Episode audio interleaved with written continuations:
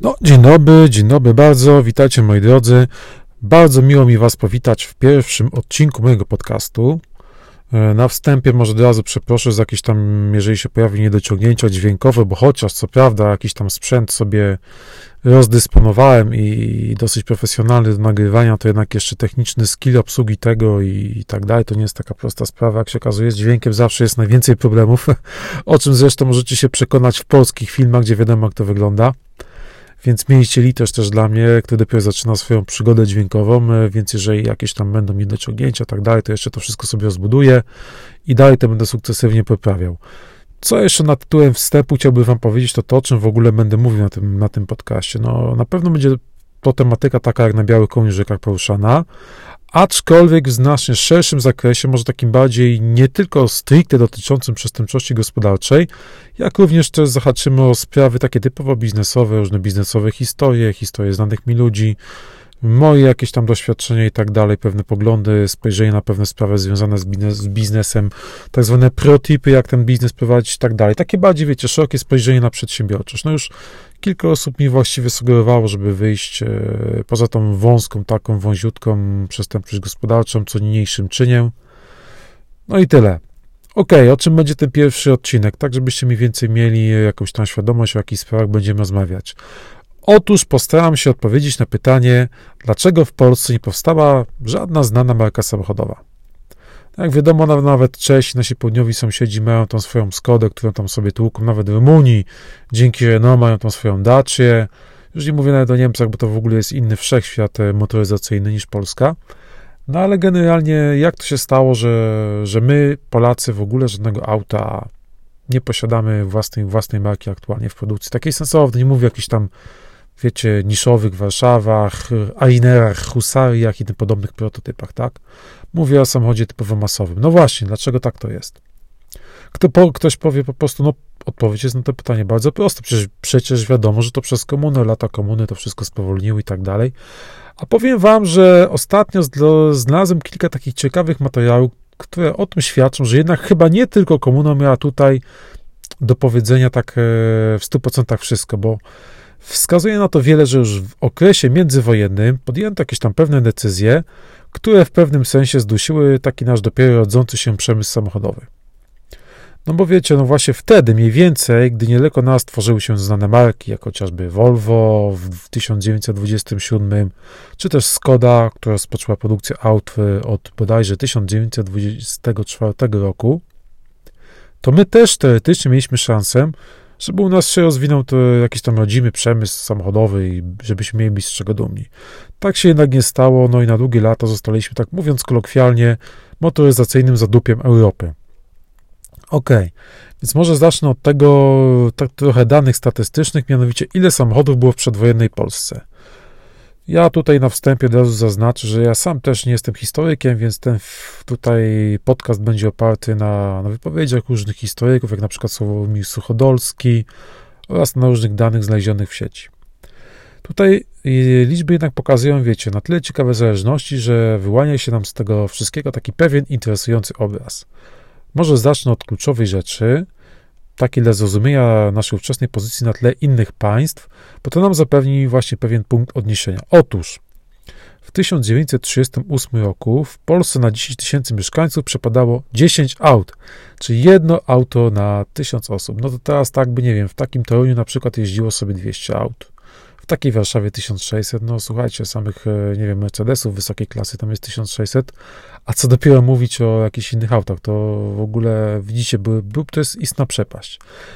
I tymczasem w innych państwach europejskich z tamtych lat współczynnik wyglądał następująco. W Wielkiej Brytanii na 10 tysięcy mieszkańców przypadało 511 aut, we Francji 523 auta, w Szwecji 305 aut, e, w Niemczech 251 i tak dalej, tak dalej. W Czechosłowacji 69 mm, aut, w Portugalii, bardzo biednej zresztą wtedy, 63 auta i w Rumunii 13 aut. Czyli jak widzicie, nawet, nawet w tej Rumunii było więcej samochodów wtedy niż, e, niż w Polsce, w przeliczeniu na 10 tysięcy mieszkańców. USA nawet nie wspominam, bo tam ponad 2000 samochodów na 10 tysięcy mieszkańców to w ogóle wiecie, co, zupełnie coś innego. Tutaj oczywiście jest jasne, że nie ma co patrzeć na bogate państwa Zachodu, i się porównywać do nich, no, bo to zupełnie inny poziom założności społeczeństwa. Ale wtedy weźmy takie na przykład PKB per capita z 1938 roku, które w Polsce wynosiło 372 dolary. I tutaj na przykład PKB takich Włoch było 551 dolarów, a Czechosłowacji 548, Portugalii 351. No tutaj teoretycznie jakieś tam porównanie moglibyśmy zrobić, ale i tak yy, to już takie były gospodarki, że powiedzmy, nie wiem, mogliśmy mieć dwa razy mniej samochodów od nich, no to jeszcze ok. No tymczasem tutaj te, te państwa motoryzacyjnie deklasowały nas praktycznie o kilka długości. No dlaczego? Oto powiem trzy istotne powody takiej sytuacji. Pierwsza rzecz to jest wysoki podatek drogowy. Więc słuchajcie, w 1931 roku rządzący wcześniej Polską, drugą Rzeczpospolitą, stworzyli tak zwany Państwowy Fundusz Drogowy. No dzisiaj też mamy coś takiego w cenie paliwa, że komu płacimy za jakieś tam remonty dróg i tak dalej. Cenę tamtego funduszu było to samo co dziś, czyli teoretycznie budowa dróg, co oczywiście było słusznym posunięciem. No wiadomo, że infrastruktura w Polsce w tamtych latach, e, po tej wojnie i tak dalej, za wieloletnich jakichś tam zaleciałościach, no leżała i kwiczała, mówiąc tak prosto. Ale wraz, tego, wraz z utworzeniem tego funduszu pojawił się również coś takiego, pojawiło się jak podatek drogowy. No, można się bo tego oczywiście spodziewać. No i teraz słuchajcie, za każde 100 kg masy auta trzeba było płacić 40 zł rocznie, czyli za auto o masie 1 tony tam opłata wynosiła 400 zł rocznie. Tymczasem, tak dla porównania, w 1935 roku przeciętne zarobki robotnika wynosiły niecałe 103 zł, zgodnie z takimi rocznikami statystycznymi. Oczywiście byli tacy, którzy zarabiali więcej, jak na przykład górnicy czy pracownicy umysłowi oraz urzędnicy, którzy mieli dwukrotnie wyższe uposażenie, powiedzmy 200 zł, 250, coś w tych granicach. Ale i tak mimo wszystko mieliśmy podatek, który przy jednotonowym aucie trzeba było wydać rocznie 2 do 4 miesięcznych pensji, przynajmniej jeżeli chodzi o takich zwykłych, szarych obywateli. No tak jakby dzisiaj był dowolony taki podatek, powiedzmy no nie wiem, w wysokości 5 tysięcy, 6 tysięcy złotych rocznie, no to 7 na przykład, no to, to byłoby dosyć spore obciążenie, sami przyznacie. Oczywiście tam przy mniejszych autach, jak na przykład ówczesny Fiat 508, który waży tylko 760 kg, były to kwoty odpowiednio niższe, ale i tak nadal bardzo wysokie. Dopiero po dwóch latach e, od wprowadzenia tego podatku wprowadzono obniżkę o 60%, ale tylko dla tych pojazdów, które spełniały wymogi zakresu obrony państwa. No, można, nie dokopałem się niestety, co to konkretnie znaczyło, jednak można przypuszczać, że to chodziło głównie o pojazdy jakieś takie ciężarowe, które mogły być używane na potrzeby transportów wojskowych. No, czy, czy wszystkie osobówki pod to podpadały? Raczej nie, bo wtedy po prostu ten podatek by obniżono to 60% i tyle. A tego jednak z jakichś powodów nie zrobiono. No dobrze, tutaj widać po prostu jasno, że koncepcja krzywej Lafera powstała dopiero w latach 70., więc strzelam, że nikt wtedy nie policzył, e, czy jest ekonomiczny sens w ustanawianiu tak wysokich obciążeń fiskalnych. No, moim zdaniem nie, ale idźmy dalej. Kolejnym z powodów tutaj takiej motoryzacyjnej stagnacji były wysokie cło na części motorzowej zamienne. Tak więc słuchajcie, w 1932 roku wprowadzono nowe taryfy celne na części do aut osobowych. E, kilka takich przykładów. Wał rozdzielczy podwyżka z 4,50 na 60 zł, e, blok cylindrowy podwyżka z 82,80 na 621 zł, wał, wał korybowy podwyżka z 208 zł na 360 zł. No, cen dziesięciokrotna podwyżka, czy też w innych przypadkach kilkukrotna, to jest naprawdę kosmos. E, to po prostu musiał trochę przyhamować e, rynek motoryzacyjny. Zaraz wam powiem, co to miało na celu. Po, a, przypominam jeszcze, że to były same opłaty celne doliczane do cen części. I znów, jeśli to tak zestawić z ówczesnymi pensjami, no to wychodzi, że zwykły robotnik fizyczny musiałby pracować przez pół roku, aby zapłacić cło za nowy blok cylindrowy silnika. Czyli jeśli taki robotnik, powiedzmy, zrobi 3000, miałby zapłacić za, za 18 tysięcy złotych e, cło z jakiegoś klamota, samo cło, bez ceny części, no to wyobraźcie sobie, czyli ile tych samochodów by w Polsce jeździło. No to raczej nie za dużo. Pomijam już takie, wiecie, jednak mimo wszystko ewentualne problemy konsumentów indywidualnych, bo tak naprawdę chodziło tutaj o zablokowanie możliwości ekspansji zagranicznym producentom aut. Wszystkim poza jednym, do czego za chwilę przyjdziemy. Otóż, moi drodzy, trzecim z powodów, dla których ta motoryzacja w Polsce tak wyglądała, była umowa licencyjna z Fiatem. Tak, z tym Fiatem włoskim oczywiście. To przejdziemy tutaj do tego, co tygrysy lubią najbardziej, czyli do ciekawych kontraktów i przetargów. Tak więc w 1931 roku została podpisana umowa z włoską firmą Fiat, na mocy której Polska uzyskała licencję na produkcję samochodów osobowych tej właśnie marki. No, oczywiście nie było się przy tym bez skandalu, wokół którego czuć mocno było korupcję. Też e, otóż przed podpisaniem umowy z Fiatem trwały negocjacje z 12 producentami aut, m.in. z Fordem i z Citroenem. Hmm, niektóre z tych firm dawały ciekawe warunki, jak na przykład Citroen oferował kredyt bezprocentowy. E, mimo to, mimo tych fajnych warunków, polscy decydenci odrzucili wszystkie oferty i wybrali się do Turynu, aby tam negocjować umowę z Fiatem. Podejrzanym e, lub idiotycznym zresztą posunięciem było to, że Polacy zerwali negocjacje wcześniej z konkurencyjnymi firmami, o czym Fiat też zapewne wiedział. No a skoro tak, to Włosi mogli spokojnie zaproponować nam gorsze warunki. Nie będzie chyba zaskoczenia, jeśli powiem wam, że tak się oczywiście stało. A więc Fiat na, mo, na mocy tej mowy licencyjnej korzystał z preferencyjnych warunków dotyczących horrendalnego cła na części, o którym przed chwilą mówiłem. Po prostu Włosi tego cła nie musieli płacić. Czyli jeżeli oni, zobaczcie, jak oni mieli po prostu przebitkę na częściach, o ile byli do przodu, że jakaś powiedzmy firma typu, nie wiem, Citroen płacił za blok cylindra 620 zł, to Włosi tego nie musieli płacić. No to naprawdę była potężna przewaga konkurencyjna i ciężko aż naprawdę tego było nie wykorzystać, prawda?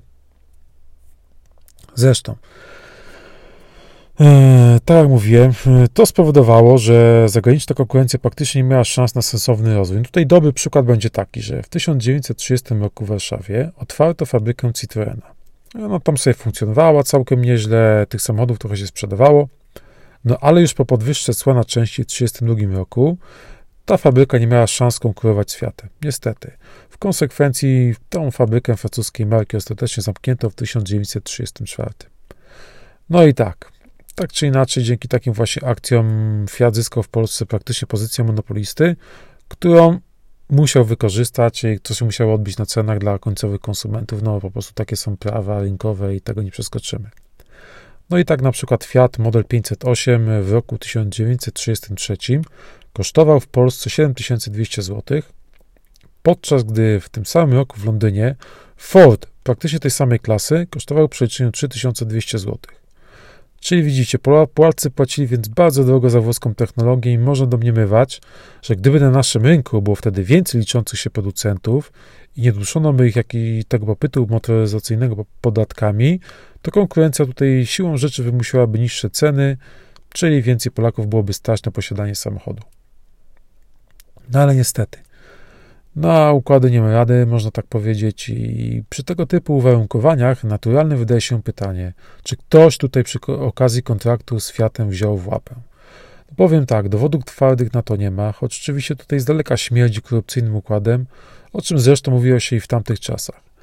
Jednak niestety dziennikarze śledczy w tamtym okresie nie mieli takich możliwości jak dziś i ciężko byłoby na przykład, nie wiem, wyśledzić powiązania polskiego decydenta, który po podpisaniu kontraktu nagle objął udziały w jakiejś włoskiej spółce i otrzymywał z tego tytułu wypłaty na konto w szwajcarskim banku, prawda? Poza tym nie ma co się oszukiwać. W tamtych czasach ekipa będąca u władzy, no, zwyczajnie kryła swoich ludzi, a cały aparat wymiaru sprawiedliwości był mocno sterowany odgórnie. Być może nawet bardziej niż dziś, można powiedzieć. Tutaj, żeby nie być gołosłownym, to podam taki przykład, e, jakim jest słynna afera żyrardowska, która wybuchła w 1932 roku. I wtedy to sprzedano majątek należący do Skarbu Państwa za ułamek jego rzeczywistej wartości. E, winni, nigdy nie stanęli, winni tego nigdy nie stanęli przed sądem, zapewne też dlatego, że tropy wiodły bezpośrednio do ludzi związanych z, z rządzącym BBWR-em, to była partia Józefa Piłsudskiego. E, w pewnych przypadkach więc, e, kto miał wygrać przetarg, ten go wygrywał, choćby nie wiem co, no i co pan zrobisz, jak nic nie zrobisz. A jeśli chodzi o przykład motoryzacyjny takich przetargów, no to też był taki ciekawy, przedwojenny tutaj case. Mianowicie tak, e, Polski Czerwony Krzyż zakontraktował auto sanitarne polskiej firmy CWS, które były to auto były uznawane za bardzo udaną konstrukcję. No niestety, z góry poszły naciski, aby w miejsce tych CWS-ów wziąć włoskie pojazdy, pojazdy przepraszam, typu Fiat 614. No, postanowiono więc zrobić porównanie i wypuszczono na trasę testową kilka sztuk jednych pojazdów i kilka sztuk drugich pojazdów. No i teraz zaskoczenie. Z Fiatów nie dojechał na miejsce żaden, natomiast CWS-y dojechały wszystkie. Efekt? Pytacie? To ja wam powiem. I tak zakontraktowano zakup Fiatów, bo tak się po prostu komuś podobało. No i cóż, jako żywo to przypomina mi słynny przetarg na policyjny Aro, te rumuńskie takie trenówki sprzed 20 lat mniej więcej, gdzie kupiono auta właśnie te wyprodukowane w Rumunii za cenę o kilkadziesiąt procent wyższą niż to oferowane bezpośrednio przez producenta tego badziewie. No to było badziewie. No. Później pojawiły się głosy, że jednak nie, ale umówmy się, że to szczyt technologii to to nie był. No i też wiecie, całkiem przypadkowo, przypadkowo w cudzysłowie oczywiście, cudzysłowie, nieważne. E, jedyną firmą, która spełniała kryteria przetargu, okazała się pewna spółka zarządzająca ówcześnie stadionem dziesięciolecia w Warszawie. Także, no cóż, lata mijają, a w Polsce niewiele się w pewnych kwestiach zmienia. Niestety. Kolejna rzecz, o której też warto tutaj wspomnieć, która zdusiła motoryzację, to cena benzyny w przedwojennej Polsce. No, no to właśnie, tu też nie było łatwo, ponieważ e, na początku lat 30. E, benzyna kosztowała jakieś 0,8 zł za litr, co wiecie, przy niezłej pensji urzędnika wynoszącej powiedzmy około 200 zł miesięcznie pozwalało mu kupić 250 litrów benzyny. I jeśli weźmiemy dzisiejszą cenę uśrednioną benzyny, czyli 5 zł, i zestawimy to z niezłą pensją w okolicach około 5000 zł, to mamy 1000 litrów, czyli czterokrotnie więcej. Czyli widzicie, no jazda samochodem w latach 30. do tanich przyjemności z, pewno, z pewnością nie leżała i tak, e, aż tak wiele ludzi nie było stać, żeby sobie tym autem pojeździć. Zwłaszcza, że to też swoje tam paliło wtedy. Te silniki były wiadomo takie wydajne, jak, jak były i cóż. No dobra.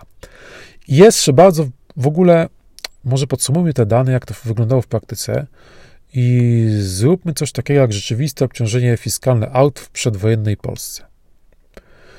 No bo słuchajcie, podatki w Polsce no, przekładały się na bardzo duże obciążenie dla kierowców y, opłatami. No i znawcy motoryzacji z tamtych lat obliczyli konkretne kwoty takich obciążeń w skali roku. I tak dla porównania, za 1931 roku było to w USA od samochodu 35 dolarów, Francja 46 dolarów, Niemcy 50 dolarów, Czechosłowacja 73 dolary, Wielka Brytania 99 dolarów i uwaga, Polska 200 dolarów. Tak jest. Trzy razy więcej niż takie na przykład Czechosłowacji.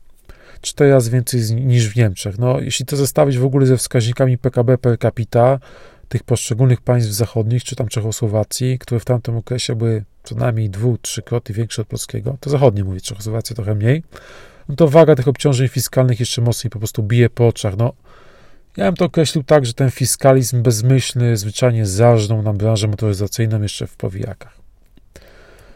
No, na szczęście w pewnym momencie nastąpiło coś takiego jak odlisz, gdzieś mniej więcej od 1936 roku, gdzie rządzący sobie zdali sprawę, że no tak dalej być nie może, więc stopniowo te obciążenia fiskalne się zmniejszały i zaczęto dopuszczać do gry innych producentów, jak na przykład Opel, Peugeot czy Mercedes. Nastąpił więc, wiecie, rozwój rynku polskiego.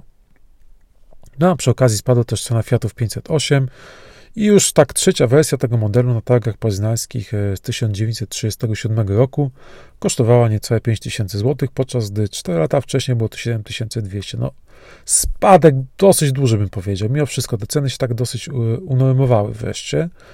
I ten boom najlepiej też pokażą, pokażą konkretne dane statystyczne, bo w 1929 roku, gdy wybuchł wielki kryzys światowy, mieliśmy w Polsce zarejestrowanych 29 701 aut.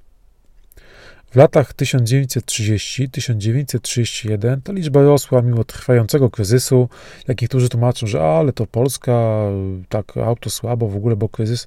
No właśnie nie, widzicie. Kryzys był, a liczba aut mimo wszystko rosła. I w 1931 roku mieliśmy już 39 391 aut. Ale niestety w 1932, czyli już po wprowadzeniu podatku na Państwowy Fundusz Drogowy, liczba zarejestrowanych samochodów w naszym e, kraju spadła do 28 690 sztuk. Czyli o ponad, no, powiedzmy o, 12, o, ponad, o około 13 tysięcy. Dobrze mówię? A nie chwilę 11, około 11 tysięcy. No to jest naprawdę Naprawdę więcej, 12. Jezus, mi się myli. W każdym razie był to, jak widzicie, spadek o kilkanaście tysięcy aut i to jest naprawdę przy tej, przy sumie to jest potężny spadek, potężny zjazd i stan taki trwał do 1936 roku, gdy zaczęto luzować ograniczenia krępujące sektor motoryzacyjny. No wtedy mieliśmy zaledwie 25 734 zarejestrowane auta. Mimo tego, że kryzys skończył się w 1933, formalnie. Za to w 1937 już nastąpiło odbicie, czyli już po tym luzowaniu, i tuż przed wybuchem wojny po polskich drogach jeździło prawie 42 tysiące aut. Okay, niestety wojna, wiadomo, zdemolowała całkowicie naszą gospodarkę, wszystko zdemolowała i nie, nie było na to już szans. I teraz właśnie przejdźmy do, do pytania takiego bardzo ważnego, które jest y, sednem naszego dzisiejszego tutaj podcastu. Czy Polska w latach 30. mogła produkować własne auta? Powiem tak. Niektórzy historycy i znawcy tematu wskazują, że owszem, Polska mogła wtedy produkować własne auto osobowe, choćby nawet siłami przedsiębiorstw państwowych, które też nie były technologii, jakieś tam e, byli ludzie, inżynierowie, którzy mogli to jakoś ogarnąć. Weźmy taki chociażby taki projekt jak CWS T1. To był ciekawy samochód osobowy projektu inżyniera tańskiego. Poza tym, C, tym CWS-em T1, w zakładach, które go produkowały, były też gotowe projekty mniejszych pojazdów, które mogłyby już stanowić realną konkurencję dla Fiata. Mogłyby, gdyby warunki gry były równe dla wszystkich uczestników i gdyby rynek nie był zduszony przez nadmierny fiskalizm. No i te kombinacje właśnie z tymi cłami. Tak czy inaczej, jak podają źródła historyczne, wyprodukowano około 800 CWS-ów, po czym uznano, że nie ma sensu konkurować z tańszymi Fiatami. No świat miał fory, po prostu wygrywał. Poza tym niektórzy wskazują, że na szczeblu politycznym zapadły decyzje o tym, aby nie inwestować e, w zakup linii produkcyjnej na potrzeby polskiej konstrukcji, tylko wejść we współpracę z Fiatem. No oczywiście, czym to skutkowało, wiadomo, że bez linii produkcyjnej i tak dalej, taką metodą manufakturową bardziej, no to te auta nie mogły po prostu cenowo konkurencyjnie, czy też nawet pewnie jakościowo konkurować tak z Fiatami, no i to był gwóźdź chyba do trumny tej naszej polskiej marki CWS. Zresztą Poza tym w takich warunkach, jakie nam zafundowała właśnie władza w latach 31-36, chyba żadna nowa marka nie byłaby w stanie się wtedy przebić na szersze wody. No bo słuchajcie, popyt na rynku wewnętrznym mieliśmy mocno zduszony przez obciążenia podatkowe, a do tego wjechał Fiat ze swoją konstrukcją produkowaną na preferencyjnych warunkach, która przez pewien czas praktycznie zmonopolizowała rynek. I przedsiębiorcy, wiecie, widzieli przecież, co się dzieje, zobaczyli upadek fabryki Citroena, więc komu by się chciało ryzykować kapitał, aby produkować samochody cieszące się do tego tak niską popularnością w Polsce? No właśnie, raczej nikomu. Ktoś może powiedzieć, no dobrze, ale przecież mogli produkować na eksport. No, no jasno, oczywiście.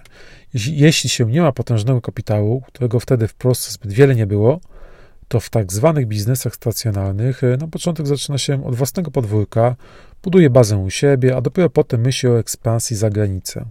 Do tego jeszcze doszła tak zwana wojna celna z Niemcami, która trwała formalnie do 1930 roku, a praktycznie do 1934 roku, co właściwie kasowało najbliższy, największy rynek e, potencjalnego eksportu polskich aut. Wiadomo, niby mogli też do Francji puszczać tak dalej, no ale tam już było ciężej. No i słuchajcie, no, nałożenie się tych czynników spowodowało, że lata 31-36 możemy chyba uznać za bezpowrotnie stracone dla polskiej motoryzacji. Być może, gdy wiecie, gdyby nie wystąpiły te powody, te przesłanki, które przedstawiłem tutaj, to jakiś liczący się polski zakład jednak rozpocząłby produkcję choćby w krótkich seriach. Czyli zbliżając się tak do końca, że reasumując, można powiedzieć, ten motoryzacyjny świat tam odjechał jakieś 90 lat temu. Niestety trochę na własne życzenie, na, na życzenie na, poprzez błędy tych y, ówcześnie rządzących, czy wynikające ze z nieświadomości, czy po prostu wynikające z intencji korupcjogennych, tam to nazwijmy, no to już tego chyba się już do końca nigdy nie dowiemy. Też oczywiście warto powiedzieć, że bardzo możliwe jest, że gdyby nawet udało się nam w latach 30. Y, zbudować w miarę rozpoznawalną polską markę, to ona i tak by nie przetrwała zawirowań tej II wojny światowej i wielu lat komuny. No ale z drugiej strony też nie wiemy tego, czy czasem nie wskrzeszono by takiej marki w PRL-u i czy nie dotrwałaby ona do czasów współczesnych, jak chociażby taka czeska Skoda, prawda?